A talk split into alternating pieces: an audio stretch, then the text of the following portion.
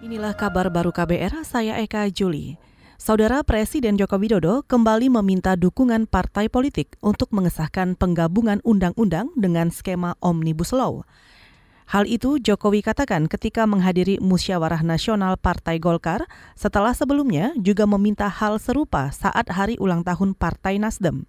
Menurut Jokowi, Partai Golkar termasuk partai besar yang suaranya sangat memengaruhi nasib Omnibus Law di DPR. Saya tetap minta kepada Partai Golkar agar memberikan dukungan terhadap Omnibus Law yang nanti akan di, segera diajukan oleh pemerintah sehingga nantinya kecepatan kita dalam melakukan adaptasi terhadap perubahan-perubahan dunia menjadi semakin cepat. Kemudian juga kita bisa menarik investasi yang sebesar-besarnya, bisa membuka lapangan pekerjaan yang seluas-luasnya kepada masyarakat kita dan akhirnya bisa memberikan kemakmuran, kesejahteraan pada masyarakat.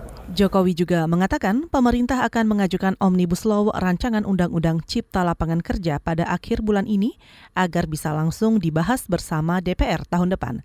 Selain Undang-Undang Cipta Lapangan Kerja, Jokowi juga akan membuat Omnibus Law Undang-Undang Pemberdayaan UMKM.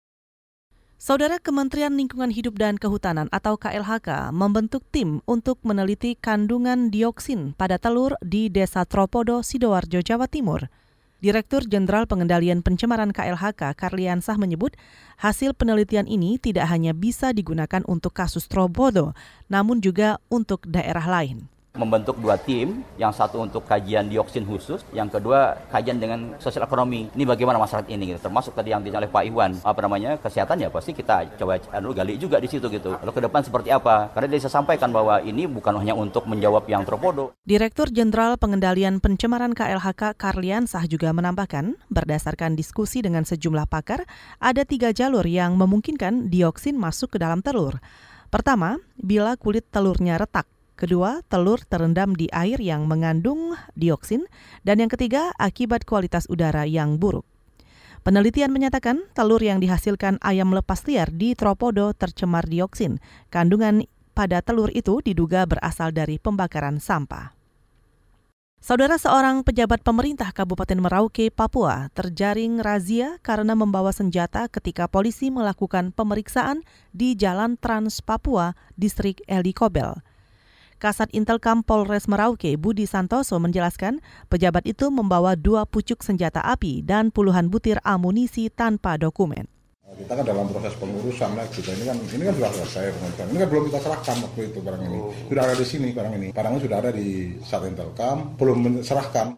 Kasat Intelkam Polres Merauke Budi Santoso juga menyebut senjata itu diklaim untuk olahraga berburu. Namun ia menegaskan senjata beserta amunisinya tidak dapat dikembalikan hingga pemilik menyertakan dokumen resmi kepemilikan senjata.